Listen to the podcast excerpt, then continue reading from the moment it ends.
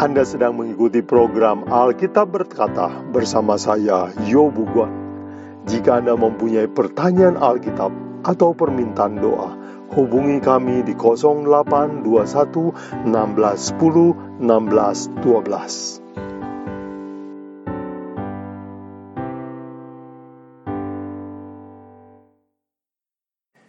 Saudara sekalian, selamat bergabung kembali dalam pelajaran Alkitab berkata.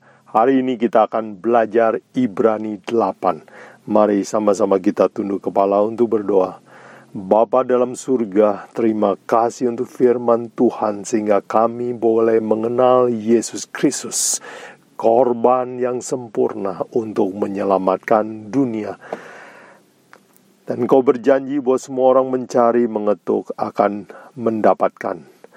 Kami sekarang datang untuk belajar Bantu kami supaya kami menemukan kebenaran sejati. Dalam nama Yesus kami berdoa. Amin. Saudara sekalian, hari ini kita akan belajar Ibrani 8, apa yang disebut atau apa yang dimaksud dengan perjanjian baru. Baik, saudara sekalian, manusia membuat perjanjian bukan pada zaman ini kita biasanya membuat perjanjian di tempel materai. Tujuannya apa? Tujuannya supaya saling mengikat untuk waktu yang lama. Walaupun seseorang mati, tetapi kalau di tempel materai itu berlaku lama.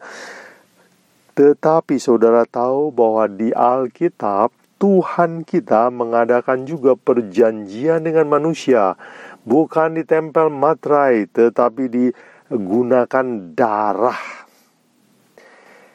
darah domba, darah korban, hewan korban. Tujuannya untuk apa? Untuk saling mengikat dan menepati janji.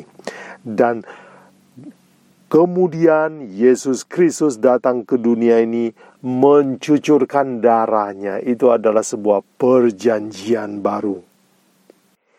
Baik, sekarang kita mau belajar apa itu perjanjian baru, mengapa ada perjanjian baru, dan mengapa Yesus Kristus adalah inti dari perjanjian baru itu. Kita akan belajar. Mari kita buka Alkitab kita, Kejadian 3 ayat 21. Dicatat dalam Alkitab, dan Tuhan Allah membuat pakaian dari kulit binatang untuk manusia dan istrinya itu lalu mengenakannya pada mereka. Setelah manusia berdosa, Tuhan membuat sebuah perjanjian. Perjanjiannya dengan apa? Dengan menyembeli seekor domba. Domba itu mati, darahnya dicurahkan, kulitnya diambil untuk menutupi ketelanjangan manusia. Ini adalah sebuah simbol, sebuah perjanjian bahwa suatu hari di masa yang akan datang Tuhan akan mengorbankan dirinya untuk menutupi dosa manusia. Paulus di dalam Ibrani 8 ayat 7 mengatakan demikian. Sebab sekiranya perjanjian yang pertama itu tidak bercacat, dia tidak akan mencari lagi tempat untuk kedua.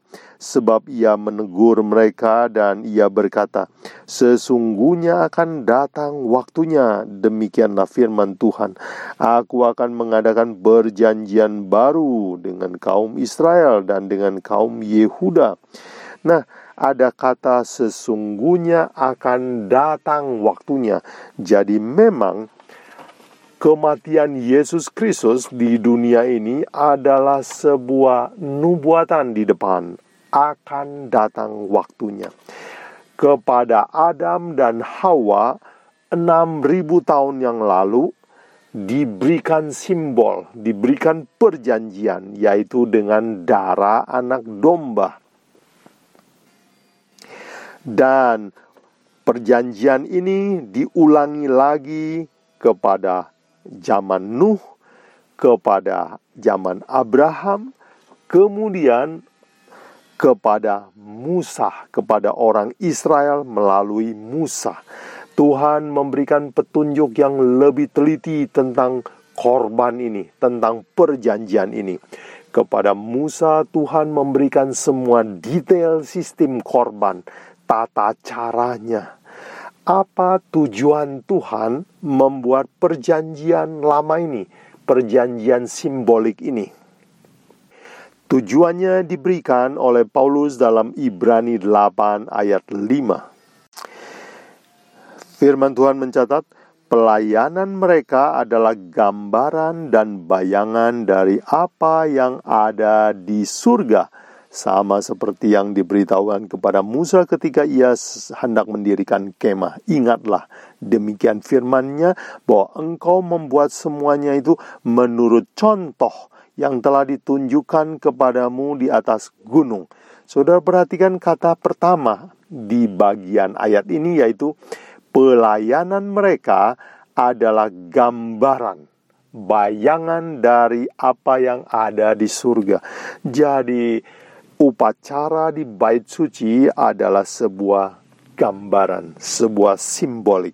Itu sebabnya itu disebut perjanjian lama. Tujuannya apa? Untuk memberi gambaran apa sih sebenarnya yang terjadi di surga. Dan yang kedua, perjanjian ini diberikan untuk memberitahukan bahwa nanti akan datang sebuah perjanjian yang lebih bagus, lebih benar, lebih tinggi. Mari kita baca Ibrani 8 ayat 6. Tetapi sekarang ia telah mendapat suatu pelayanan yang jauh lebih agung karena ia menjadi pengantara dari perjanjian yang lebih mulia dan yang didasarkan atas janji yang lebih tinggi, yaitu Yesus Kristus ini yang dimaksudkannya. Jadi, Yesus Kristus adalah tujuan dari semua upacara di bait suci. Karena Yesus telah melakukan pelayanan yang lebih agung, pelayanan yang lebih mulia, pelayanan yang lebih tinggi lebih asli lah boleh kita katakan. Jadi semua upacara bait suci adalah simbolik sebuah perjanjian lama untuk menunjukkan kepada sesuatu perjanjian yang lebih asli yaitu Yesus Kristus. Jadi saudara sekalian, apa yang dimaksud dengan perjanjian lama? Perjanjian lama adalah perjanjian simbolik antara Allah dengan manusia yang menjadi matrainya adalah darah domba dan darah binatang. Diberikan kepada Adam, diteruskan kepada zaman Nuh, dilanjutkan dengan zaman Abraham, dan diteruskan pada zaman Israel melalui Musa diberikan sistem yang teratur dan dengan catatan yang lengkap. Apa tujuan Perjanjian Lama ini? Untuk memberi gambaran tentang pelayanan yang sebenarnya dari Yesus Kristus di surga. Yang kedua, untuk menunjukkan bahwa pelayanan Yesus itu lebih mulia, lebih tinggi, lebih agung dari apa yang dinyatakan dalam lambang, yaitu jadi tujuannya adalah untuk memperkenalkan Yesus Kristus. Baik saudara sekalian, sekarang kita mau belajar apa kalau begitu yang disebut perjanjian baru. Perjanjian baru itu definisinya diberikan di dalam Ibrani 8 ayat 8 dan 8 ayat 10. Sebab ia menegur mereka ketika ia berkata, Sesungguhnya akan datang waktunya demikian firman Tuhan, aku akan mengadakan perjanjian baru dengan kaum Israel dan dengan kaum Yehuda. Ayat 10, maka inilah perjanjian yang akan kuadakan dengan kaum Israel sesudah waktu itu.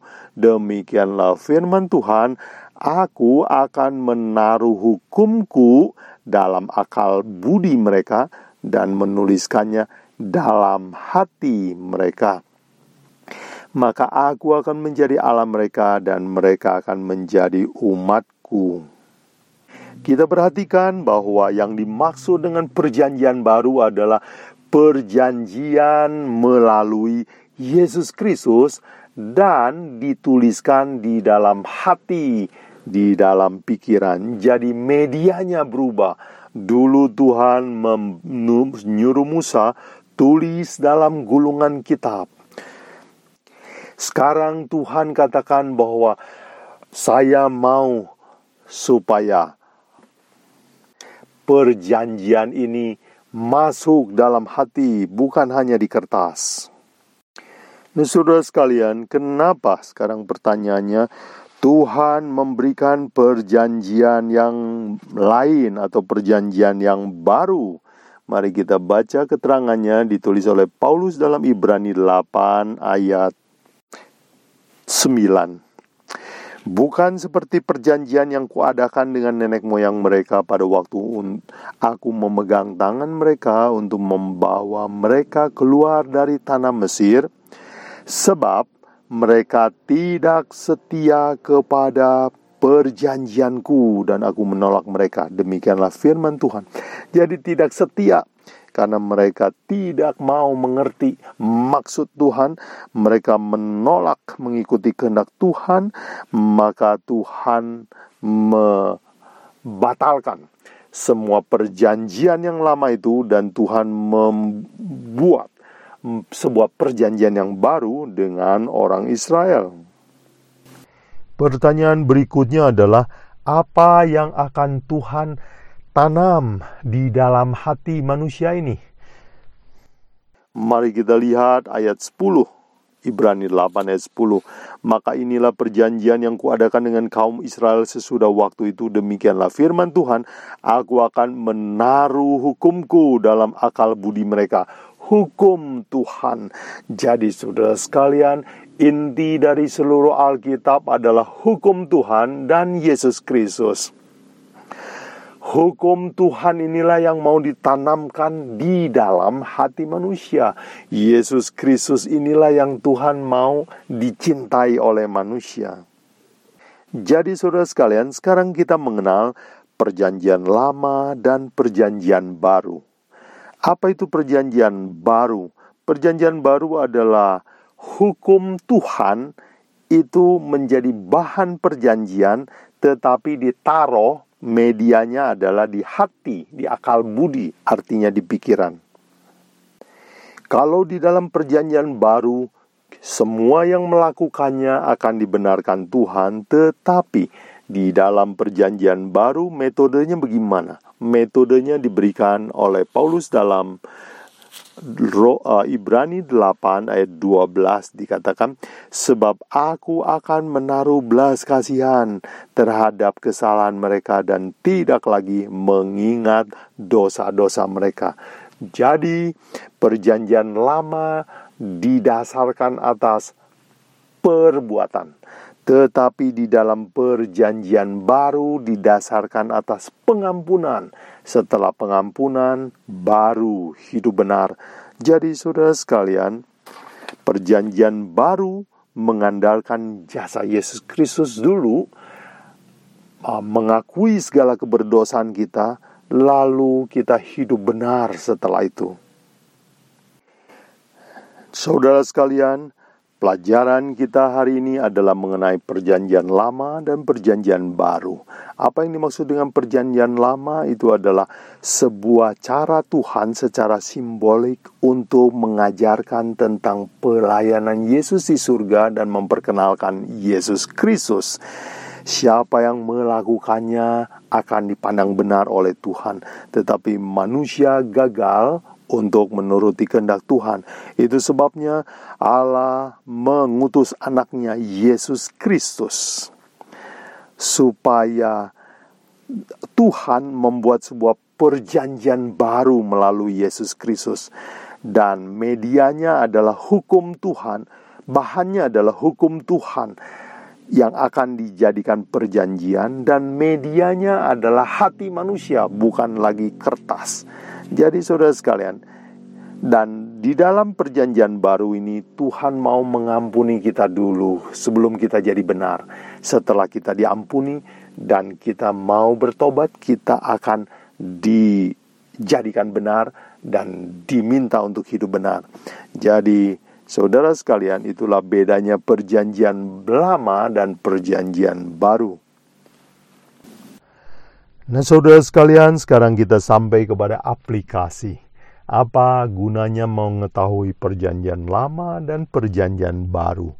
Mari kita baca Ibrani 8 ayat 13 dikatakan, Oleh karena ia berkata-kata tentang perjanjian yang baru, ia menyatakan yang pertama sebagai perjanjian yang telah menjadi usang dan apa yang telah menjadi tua dan usang telah dekat kepada kemusnahannya. Paulus ingin mengajak orang Israel, orang Ibrani untuk berganti pengalaman. Dulu mereka berbakti melalui upacara-upacara dan mereka sangka itu adalah kebenaran. Padahal itu menunjukkan itu adalah simbol yang menunjukkan kepada Yesus Kristus. Jadi seorang Paulus ingin mengajak orang Israel supaya meninggalkan perjanjian lama dan memasuki perjanjian baru yaitu percaya kepada Yesus Kristus. Saudara sekalian, apakah pengalaman kerohanian kita sudah berubah? Apakah kita sudah mencintai hukum Tuhan di dalam hati bukan karena tertulis? Apakah kita waktu ada orang lihat dan orang tidak lihat kelakuan kita sama? Apakah yang saudara lakukan, bicarakan di mimbar kepada orang lain sama dengan yang saudara lakukan di rumah? Apakah apakah sikap kita di tempat umum sama dengan sikap kita di kamar waktu kita sendirian? Baik saudara sekalian, Paulus sendiri menceritakan pengalamannya dari perjanjian lama kepada perjanjian baru, dari beragama secara ritual dan bangga secara ag kepada agama secara fisik menjadi seorang yang punya hubungan intim dengan Yesus Kristus. Mari kita lihat kesaksian Paulus ditulis di dalam Filipi 3 saya baca mulai dari ayat 3, Paulus dalam Filipi 3 ayat 4 katakan, Jika ada orang yang menyangka dapat menaruh percaya pada hal-hal lahiriah, aku lebih lagi disunat pada hari ke-8 dari bangsa Israel, dari suku Benyamin, orang Ibrani asli, tentang pendirian tentang hukum Taurat, aku orang Farisi. Ayat 6, tentang kegiatan aku penganiaya jemaat, tentang kebenaran dalam mentaati hukum Taurat, aku tidak bercacat. Di sini Paulus menceritakan pengalaman waktu lamanya dalam beragama. Dia adalah seorang yang rajin sekali beragama dan dia adalah Israel asli ya.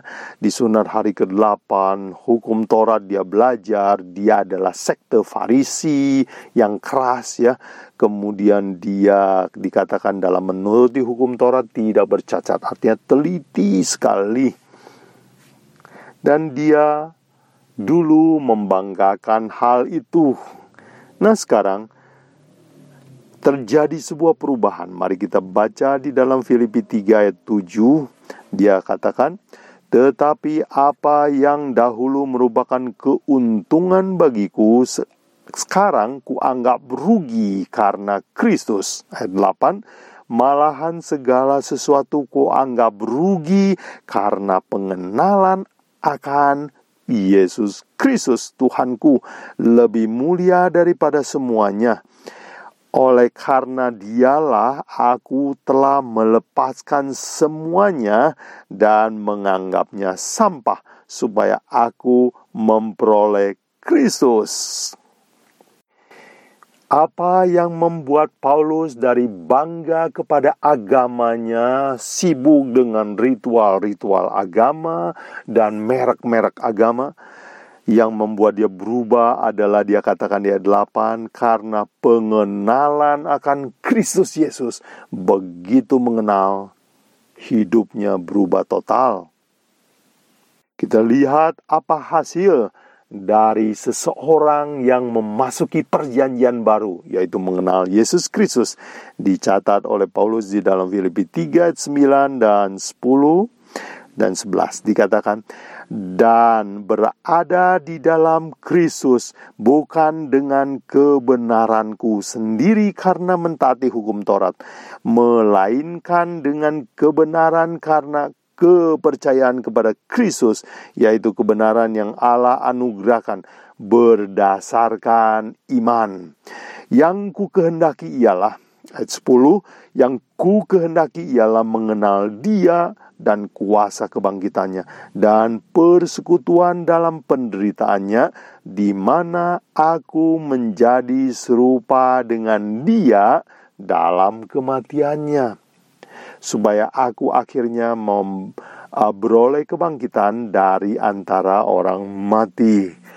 Paulus sekarang dulu bangga agama, sekarang bangga Yesus Kristus. Dulu ingin sempurna di mata agama, sekarang ingin serupa dengan Yesus, baik hidupnya, baik matinya Kristus, supaya sama seperti Yesus bangkit, kalau boleh Paulus ingin menikmati mengalami kebangkitan seperti Yesus juga. Saudara sekalian, ini adalah kisah Paulus sendiri yang mengatakan bahwa dia dulu adalah manusia perjanjian lama, mementingkan agama secara fisik, bangga kepada agama secara merek. Tetapi sekarang dia mengenal Yesus Kristus, dia memasuki perjanjian baru. Yes, hukum itu ditaruh di dalam hati. Penurutannya adalah penurutan sukarela dan dia ingin menjadi sama seperti Yesus Kristus. Nah, saudara sekalian, hari ini kita telah belajar perjanjian lama dan perjanjian baru dan telah melihat bedanya dan mendengar kisah dari kesaksian dari Paulus sendiri bagaimana dia mengalami perubahan dari perjanjian lama menjadi mengalami perjanjian baru. Baik saudara sekalian, saya ingin menutup dengan sebuah ilustrasi sederhana dari kehidupan sehari-hari. Saudara sekalian, ketika saya menikah, saya dan istri saya membuat cincin ya. Orang menikah biasanya pakai cincin kawin bukan? Dan saya baru tahu waktu itu di dalam cincin kami itu diukir nama masing-masing ya. Jadi istri saya memakai cincin yang berisi nama saya diukir dan saya memakai cincin yang nama istri saya diukir di dalamnya. Jadi kami memakai nama pasangan ditempel di cincin kawin. Dan itu adalah sebuah perjanjian pertama, perjanjian lama boleh kita katakan ya. Kami berjanji akan saling setia. Namamu ada di jariku. Kira-kira begitulah ya. Tetapi setelah beberapa bulan menikah, saya merasa bahwa wah, ini kan tidak ada jaminan bahwa saya akan setia. Kemudian ini cincin juga makin sesek. Lalu saya karena pekerjaan saya pekerjaan saya saya merasa cincin ini mulai mengganggu ya. Dan jadi itu sebabnya saya minta izin kepada istri saya. Saya katakan wah ini perjanjian lewat cincin ini seperti kurang mantap ya bagaimana kalau boleh nggak saya cincinnya saya copot saya simpan saya tidak akan pakai tetapi Percayakah kamu bahwa namamu sudah ditulis dalam hatiku? Saya akan setia kepada kamu walaupun tanpa pakai cincin. Wah, so sweet ya, kata orang muda. Dan istri saya waktu itu setuju bahwa memang cincin tujuannya sebenarnya memberikan simbol bahwa kita saling setia. Tetapi cincin tidak bisa membuat orang setia. Jadi kami sepakat waktu itu, mari kita membuat sebuah perjanjian baru. Kita akan saling setia menyimpan, mencintai pasangan kita di dalam hati, bukan di cincin lagi. Jadi, sejak itu kami tidak pakai cincin kawin, dan puji Tuhan, sampai hari ini kami masih saling setia. Jadi, saudara sekalian, itulah kira-kira sebuah gambaran tentang apa artinya Perjanjian Lama dan Perjanjian Baru. Tidak ada yang buruk dengan Perjanjian Lama, tetapi itu tidak sempurna. Yang sempurna adalah Perjanjian Baru, yaitu perjanjian itu dibuat, diterapkan dalam hati. Semoga pelajaran hari ini menjadi sebuah kebangunan rohani, supaya saudara di dalam beragama Carilah Yesus Kristus, kenalilah Dia, cintailah Dia, dan setelah saudara mengenali Dia, mencintai Dia, dan ingin serupa dengan Dia, saudara akan mengalami kebangunan rohani. Saudara akan mengalami kegembiraan dalam beragama dengan semangat yang baru. Semoga saudara sekalian pelajaran hari ini mengubahkan pengalaman beragama kita selama-lamanya. Tuhan memberkati kita semua.